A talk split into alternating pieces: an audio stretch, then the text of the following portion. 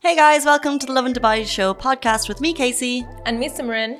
As always, thank you so much for even just tuning in. We love you for that, and we would love you even more if you could subscribe to the Lovin Show podcast wherever you listen to your podcasts. Exactly, and what we love more than you guys are weddings.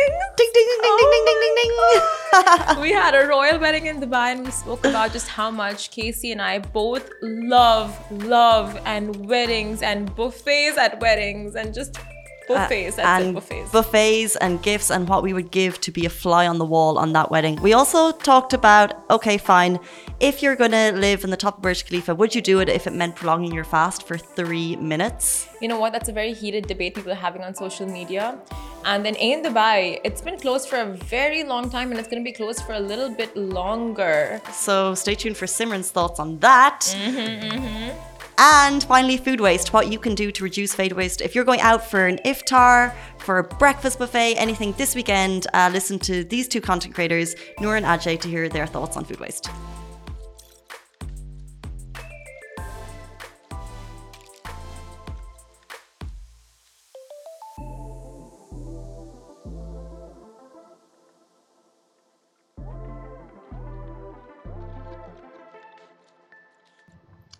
Good morning, Dubai. Welcome back to the Lovin Dubai show and happy nearly weekend. Our top stories today Mabrook, a Dubai princess, has announced her wedding. We'll also be talking about Dubai's giant Ferris wheel Ain Dubai will remain closed until further notice. A topical question of the morning Would you live at the top of the Burj Khalifa if it meant you broke your fast three minutes later than everyone else. That is so interesting. And self driving cars to hit Jumeirah Dubai roads by the end of 2023. And do stay tuned because later in the show, a topic that's of a major discussion food waste. And two content creators are reducing food waste one meal at a time. So uh, we're going to jump into our top stories. Mabrook, a Dubai princess, has announced her wedding. Can you hear those wedding bells? Uh, the daughter of His Highness Sheikh Mohammed bin Rashid Al Maktoum, Vice President Prime Minister of the UAE and ruler of Dubai, his daughter has announced that she just is getting married, got married. Uh, uh, Her Highness Sheikh Amana bin Mohammed bin Rashid Al Maktoum and Sheikh Mana bin Mohammed bin, uh, bin Mana Al Maktoum announced their union on Instagram, in which they shared a beautiful poem written, in fact, by the groom's father in tribute to the union. Oh, we love weddings. We love a wedding. And she is a university graduate and a horse enthusiast who is said to be 29 years old. He is a well accomplished businessman who is pursuing a degree in security and risk management from the American University in the Emirates. And Sheikha Mana has many successful business ventures, including Al Barada Trading, Dubai Tech, GCI Real Estate Development Company, and MM Group of companies. So a lot of accomplishments for the both of them there, and it's royal wedding, of course. Uh, two royals, a union. Would you not love to be a fly on the wall at the wedding? Duh! I would love to be the, a fly on the wall in any wedding. any wedding. Any wedding that's not yours. Yeah, I love weddings. It doesn't matter. Have you been to a wedding of like people that you don't even know that well? Oh yeah. You're still tearing up. You're still just thinking, oh, lifelong union, the commitment you're making in front of all of these people is so important. And it's like you know the struggle, right? Before you get married, to find someone, to you know, uh, like relationships and love and all those things, right? And then when you know someone's finally found it, it's just beautiful. It's just beautiful. It's like oh, you know, like they they found it. They found love. Uh, what's the song? You, they found love in a hopeless place because this world is a hopeless place. It doesn't need to be because you found love. However, if you get invited to a spectacular wedding, mm. what type of gift are you giving? Yeah, that is such a good question. Coupons. That's very quick. yeah, but at what cost? You know, like then then you can't give coupons. You have to give something that's so abstract yeah. That's so unique and rare that no one could question the cost. For example you get a young child to do a painting and you frame it. What? A young child they don't need to, no one needs to know who the young child is it could be an, it's an abstract painting by an elite artist who knows? Oh you know? uh, no. You put yeah, some maybe. It can go either way but I guess like cute custom gifts or like travel vouchers so they can just travel anywhere. I don't know. Like, what is the perfect wedding gift actually? You've asked such a Such a such an interesting question. I think for uh, the likes of you and me, Yeah. the likes of the majority of us, the perfect wedding gift is actually what you said: vouchers, No, or- or, cash, cash gold Diamonds. in an envelope. Diamonds, to you. gold, silver, platinum. Th- no, because they, you can't use those right away. I'm Gold coins. money, gold coins, especially right now. However, gold coins, yes. what is the perfect gift for people that have everything? Gold coins.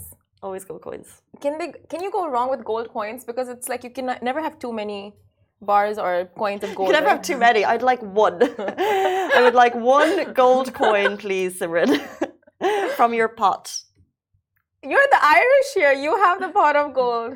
I should be asking you. No rainbows Ain Dubai. Okay, uh, very excited about the royal wedding. Jumping into our next story. So Dubai's giant Ferris wheel Ain Dubai will remain closed until further notice. Now Dubai's in Dubai is my god, how many times did I say Dubai there? The giant wheel that towers above the stunning Blue Waters Island has hit a snag. Now the attraction has been closed since March 2022, so over a year now, and visitors eagerly are awaiting its reopening and guess they'll have to wait much longer. In an update, Ain Dubai announced that the maintenance works taking place on the world's tallest Ferris wheel are ongoing and the reopening date is yet to be set. So it seems like the Ain Dubai team is taking the maintenance very seriously as they continue to rigorously work on enhancing the experience for visitors. So for now, thrill seekers and view seekers from around the world will just have to hold on to their seats a little bit longer. So while the closure may be um, a disappointment to those who have been planning an experience to visit Ain Dubai, the good news is that once it reopens, there will be new and exciting offers in store. Obviously, and the team are pulling out all the stops to ensure that once the giant wheel starts turning again, it will be bigger and better than ever. And the Ain Dubai is a stunning landmark that stands at a whopping 250 meters and offers breathtaking views of the Dubai skyline and the Arabian Gulf. And it's no wonder that it quickly became one of the most popular tourist attractions in the region. But as they say, good things come to those who wait. And in this case, a little bit more patience will definitely pay off once it opens. And um, I mean, yeah, it is. It became quite a hotspot for tourists when they came to Dubai. Of course. The number one hotspot, I must say. I mean, Blue Waters is stunning. Yeah. Um, love the island. Nice to live close to it. So even that walk over the bridge has always been such a treat. Um, Yeah. Eight to nine months of the year. And then once Ain Dubai opened, it was just like Blue Waters just like said, you know, it, it, it was buzzing, vibrant, and it still is because there's amazing restaurants there. Um, but it was just such an incredible place because whether or not you're on Ain Dubai, the views around there in the evening and the you know the busy Oh, waterways, like it- it's so stunning and beautiful. But as we said, it's just uh, it's a disappointment, I guess, for people coming and they're not able to um, book on Ain Dubai because even I've been on it once Yeah. evening. I want to go in the morning. Like you want both views, both morning, views, evening. Go at yeah. sunset, get both. A hundred percent. And it's like when you have visitors over, you just rack your brain out as to like where do you take them, what do you show them, what is affordable, but what is uh, at the same time, you know, it will be worth the money. And Ain Dubai is like the first thing that would come to your mind. Ain Dubai, Museum of the Future. And it's closed, so that's such a bummer. Like such a bummer for those who live here and even like uh, visitors who come down, just like missing out on the views. But at least it's you know just the view of it is amazing because when you're standing in JBR anywhere and you have the view of Ain Dubai and the beautiful lights that uh, you know come on in the evening, it's that itself is a treat. And I think it'll just be so interesting to see um, the result of all the maintenance. Yeah. That would be really interesting. Um, so let's jump into our next story. People living at the top of the Burj Khalifa break their fast three minutes after everyone else. So the question I put to you is Would you extend your fast by three minutes if you could live at the top of the world's tallest building? See, I don't fast, so I don't know what to say to that. I would say no. Question to the public people who are fasting. Yeah, I don't even think I would do five extra seconds of more than what I had to fast. But that is so interesting. Why is that, Casey? Well, my humble opinion from someone who fasted one day in their lives yesterday. How was it? Um, You made it through, by the way. Congratulations. I made it through. and I really thought I was going to break midday and all of that. Uh, Kept going. and then I kept going. And then, but it was such a nearly a habit when you kind of just, when you see a drink, you're thinking, oh, I'll just drink that. So it's kind of having to remind yourself that you can't. But actually, it's the moment sunset came, I wasn't sitting there ready to eat. Mm. I was in a cab, and then when I got to our iftar, uh, I kind of, you know, you went to queue, so it's, it's. I don't. I'll take the, I'll take the Burj Khalifa apartment. You'll take the Burj I'll Khalifa take it. apartment? Like three minutes, I don't think it's going to make a difference. Mm, okay. And also, you could just. That's only if you're actually there at sunset, because you could just come down to the bottom of your stately home, and and then you could Break your you fast could break your fast down in you know the Armani hotel. Why not? Um, so this is a fact that does the rounds every year, and it is in fact a fact. No myth to be debunked here. So according to a Dubai cleric, Mohammed Al Qusaybi, residents living above the 80th floor have to wait two additional minutes to break their fast. In a statement made back in 2011, he also added that those living above the 150th floor must wait three extra minutes. Okay, so the reason behind this is that these floors can still see the sun for longer, and fasting during the holy month is expected to last until sunset. Whenever that occurs for you, now, although people are coming up with loopholes on social media, uh, the fatwa has scientific backup to just, you know, give you evidence like this is legit. And the famed astrophysicist Neil deGrasse Tyson He said so. Uh, he mentioned that on the tallest building in the world, high floor dwellers, excuse me, see beyond the ground floor horizon further along Earth's curvature. And I'll just take his word for it. I'll just take his word for it. Uh, so there you have it, a small delay for the best view. Well, we wouldn't know about that now, would we? About Not the size or the views, living. the views. Ah, well, above how many floors is Burj Khalifa? The 166. Curvature. I- Huh? Huh? How many floors? 166, I, I think. feel like a lot of floors. I think 166. So 150 to 166 is three minutes extra. Mm, And then what did we say? wow. And then that's two minutes if you're kind of here to here. But if you're on up, it's just Normal. same same as everyone else. It's like you have the luxury, you have the views, you have your fasting time, which is normal. You have your life is just perfect. Um, but what is interesting is uh, the time around the world. So, for example, um, I have some friends. They moved back to Ireland this year, and they're Mm. fasting, but their fasting hours are until 8:30 p.m. Oh Mm. my god, So- that must be so difficult for so many people. I think they're managing, and I think Imagine North Pole. So interesting that you say that Greenland is the uh, longest uh, time for fasting around the world. Uh, I could get those hours. So there's like the shortest and the longest. Greenland is the longest, a place called Nuuk. And uh, I don't have the hours, but it's like, Do not go to Nunk during the holy month of Ramadan. That is a word of caution I hope I've said the name right. from the powers Um, that be. But uh, yeah, exactly. So I think um, here in Dubai, the fasting hours are quite kind of on Normal? average around the Mm. world. But places, uh, obviously, where it gets um, the days get longer. Mm. Uh, so like in Ireland, the sunset doesn't go until eight thirty. Imagine what a long day they're having. I think you just need to be very smart about it and plan out your holidays to make sure it falls mm-hmm. during Ramadan. No, you can have a thirty day holiday. So the longest fasting hours in the world in Nuuk, Greenland, is eighteen hours. Wow. 2023. The shortest fasting.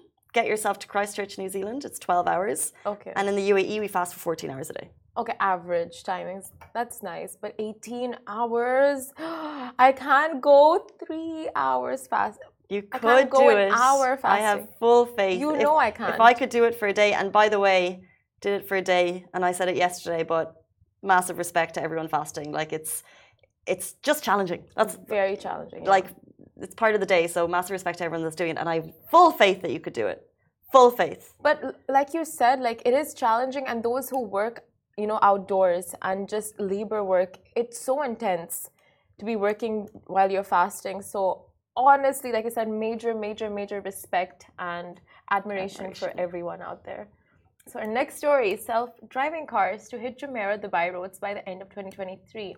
Now, Dubai's Roads and Transport Authority (RTA) and Cruise, a self-driving technology company, are joining forces to pave the way for self-driving ride-hail services in Dubai, and the two have initiated data collection and test using five Chevy Bolt-based autonomous vehicles in Jumeirah One area. And Ahmed Hashim, the CEO of Public Transport Agency at RTA, said the aim is to obtain the best readings and data through onboard lidars, radars, and cameras that capture data and images within a 360-degree field of vision.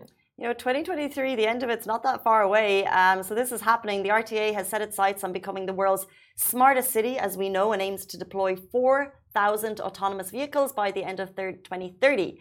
Uh, this move will not only make Dubai the first non-US city to commercialize cruise self-driving cars, amazing. Uh, but it will also alleviate, or it should alleviate traffic congestion, lower the number of traffic accidents, and also cut harmful emissions. Interesting. And Ahmed Hashim also added the launch of autonomous vehicles will bring a positive impact on Dubai's transportation landscape and well being. It will facilitate the inter, uh, integration between transportation and communication systems by streamlining the mobility of mass transit users and their arrival to their final destinations. And with RTN Cruise at the helm, Dubai's self driving taxi future is looking bright and this really ensures like you know the small talk you have with captains in cabs like it's eliminated that's it That's the best.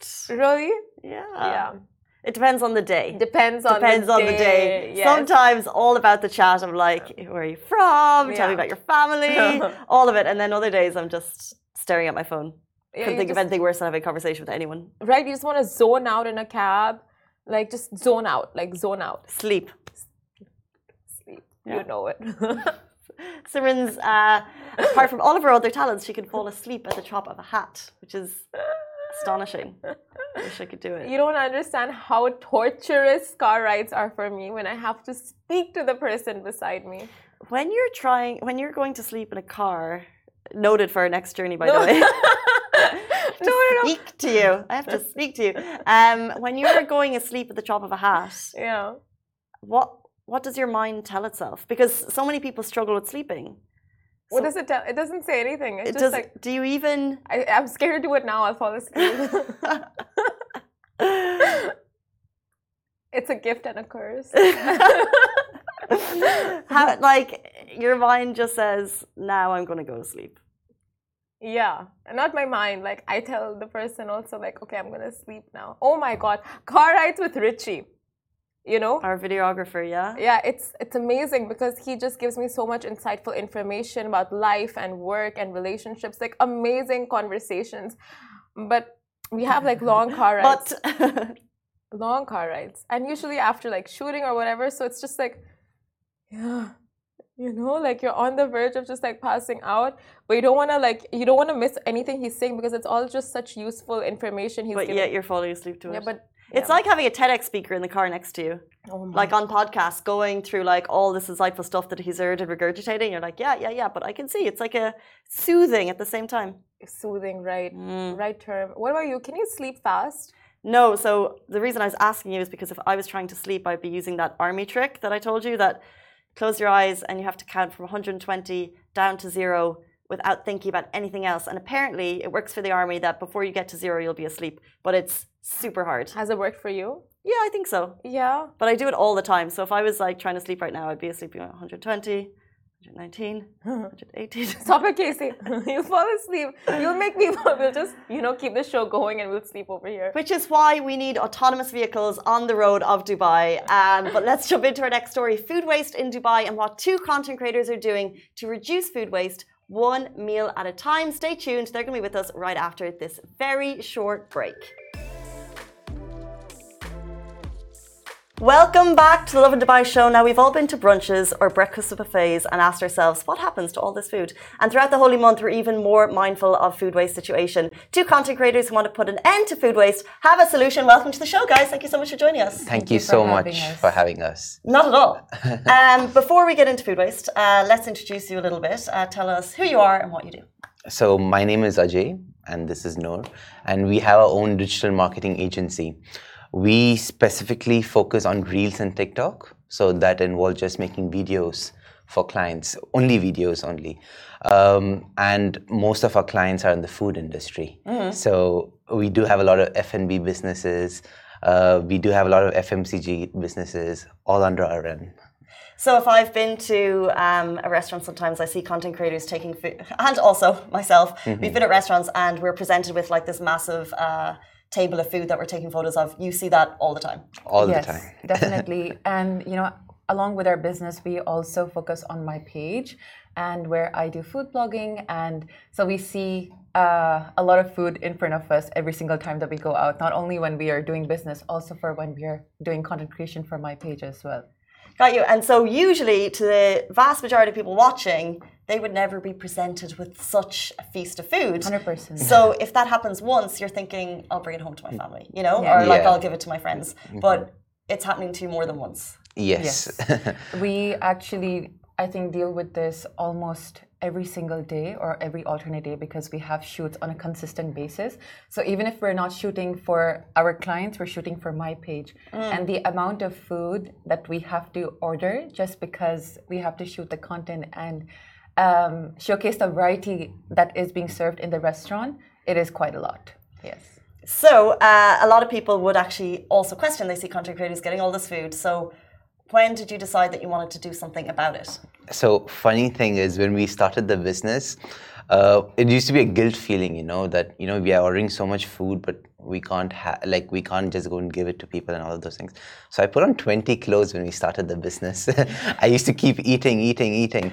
This is what you don't see behind the scenes of content Be- behind the scene, yes. yeah, sure. Um, then it got to a point where we decided, you know, that people, a lot of people in need who require food. And for us, it might just be a meal, but for them, it can be a meal for the entire day, you know. And it really hit us. And we decided that, you know, if there's any leftover food that is in good condition, that's edible, we should donate it. Yeah.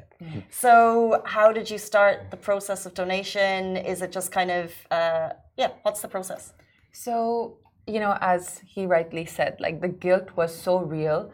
And, um, you know, we would see just, you know, whenever the food shoots would happen, sometimes we would be there with photographers as well because we only focus on videos. So we would just take our videos and we would leave. But the photographers had to make it look so good and the food just would sit and it would just go straight to the trash. And um, once we decided that this is not going to be sustainable for us to also consume so much food, we decided that we're going to ask the uh, companies to just you know package the food for us and we would just do the takeaway. And before going home we would either go to the parking lots near our house you know where they clean the cars or the securities in the malls. We would just like distribute distribute the food to them. And i think just starting that it it started very small because we were first focusing on you know small f&b companies but it grew from there. And you know once the scope of your work increases as well. The amount of food that you have to shoot increases as well.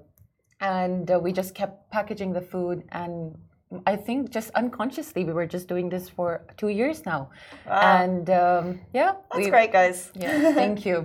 And now we just have made it a practice and habit. Not only when are we uh, shooting content, when we're dining in as well. I mean, of course, eh, once you start practicing, I think that it just stays with you as well. Yeah. Is there any, um, for example, if I wanted to do the same, is there any uh, tips that you would give me? And is there any kind of, uh, I guess, legalities about what type of food you pack? Mm, so I think there, at the end of the day, whenever you're going to eat something and if there's something left over, ensure that the thing that's your, the things that you're going to get packed, it should be neat. You know, you've not like touched it with your fingers or. Uh, because at the end of the day, you would not eat that food, you know, if someone else has touched it like that. So, for example, there's a curry, you take it with a spoon, it's still clean, you can pack it. Uh, I don't know, buy rice and you know, buy bread along with it, and then donate the food because again, they can't just eat the curry. You what Yeah. it's just like little acts of kindness because we realize that this is also a very common thing during Ramadan where you know we go for iftars and like it's a feast and we tend to become very full. We do not um, finish the food in front of us. So again, the practice where we pack the food, donate it, and you know have that act of kindness not just during Ramadan, but you know carrying forward as well once Ramadan is over. throughout the year for sure. So um, food waste, that's exactly what you said in terms of um, we'll all go out and, you know, you see these iftars at these grand buffets. Is there anything that we could do like pre this food coming? Like, is there any kind of solutions to, to food waste in restaurants that you guys think that you've maybe just kind of, you know, thought about over your course and time of creating, oh, sorry, this food content? Is there any like, is there anything, is there any conversations that have happened from restaurants or hotels that you've worked with that we can think about in advance so we don't get to this point of so much food waste? So what happens is in restaurants, we, we have told the clients as well to ensure that you have a note saying that people should take only what they can eat and nothing more than that. They should not fill their plates and you know waste food at the end of the day. Um, and even if they have too much food on their plate, try to take it, try a takeaway, take it home if you want. You know um, just don't waste food And it's, it's not good yeah. Even a lot of restaurants are implementing that because now that we start going for iftars, we see people put up boards even in hotels and they just have the sign that like it would be in a very subtle way that or like some quotes in a different language they would say that do not um, waste the food. This would be a meal for someone else. So And is it easy to get the packaging? Yeah, It is. very. It's fairly something- easy. Yes. yeah.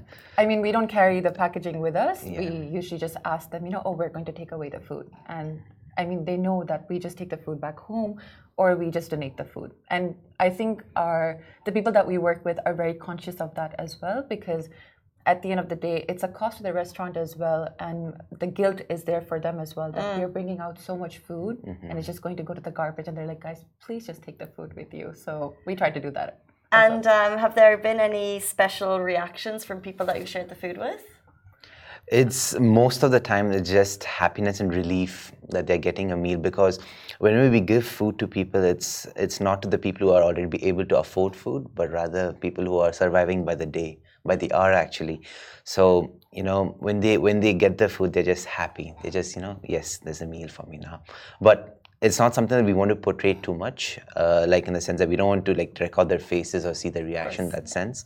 We just for us, it's subconscious that they're happy, you know, that they at least have a meal for the day. So it's not much for the entire world, but it's one step at a time, you know, one No, one meal, one person. But I think sharing stories like this is important. It's just to pay it forward, and it's a reminder to all of us who go to brunches and iftar that we can essentially do the same thing. So that's Exactly. why I think it's important to share the story. And we had um, Sabrina from the Giving Family on the show yesterday, and the small story. So they're packing meals for seven dirham for hundred celebrities every day, and it was just a reminder that seven dirham is a meal.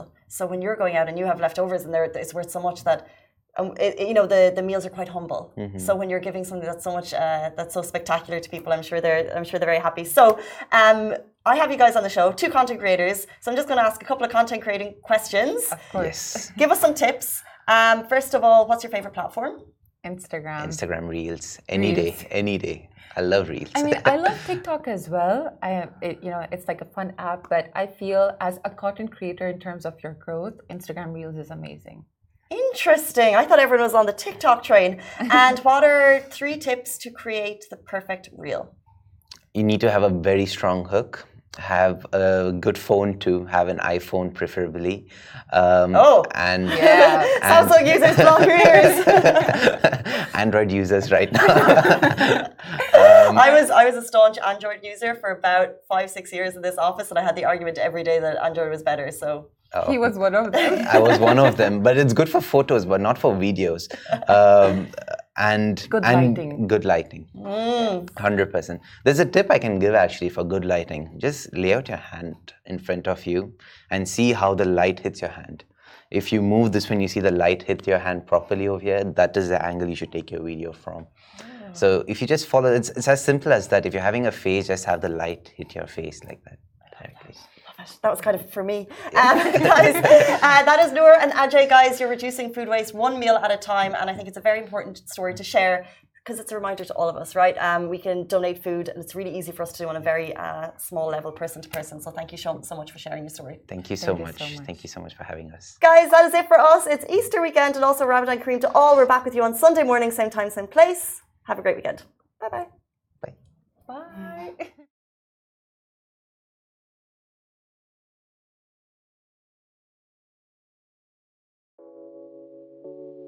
This show is brought to you by the Augustus Media Podcast Network.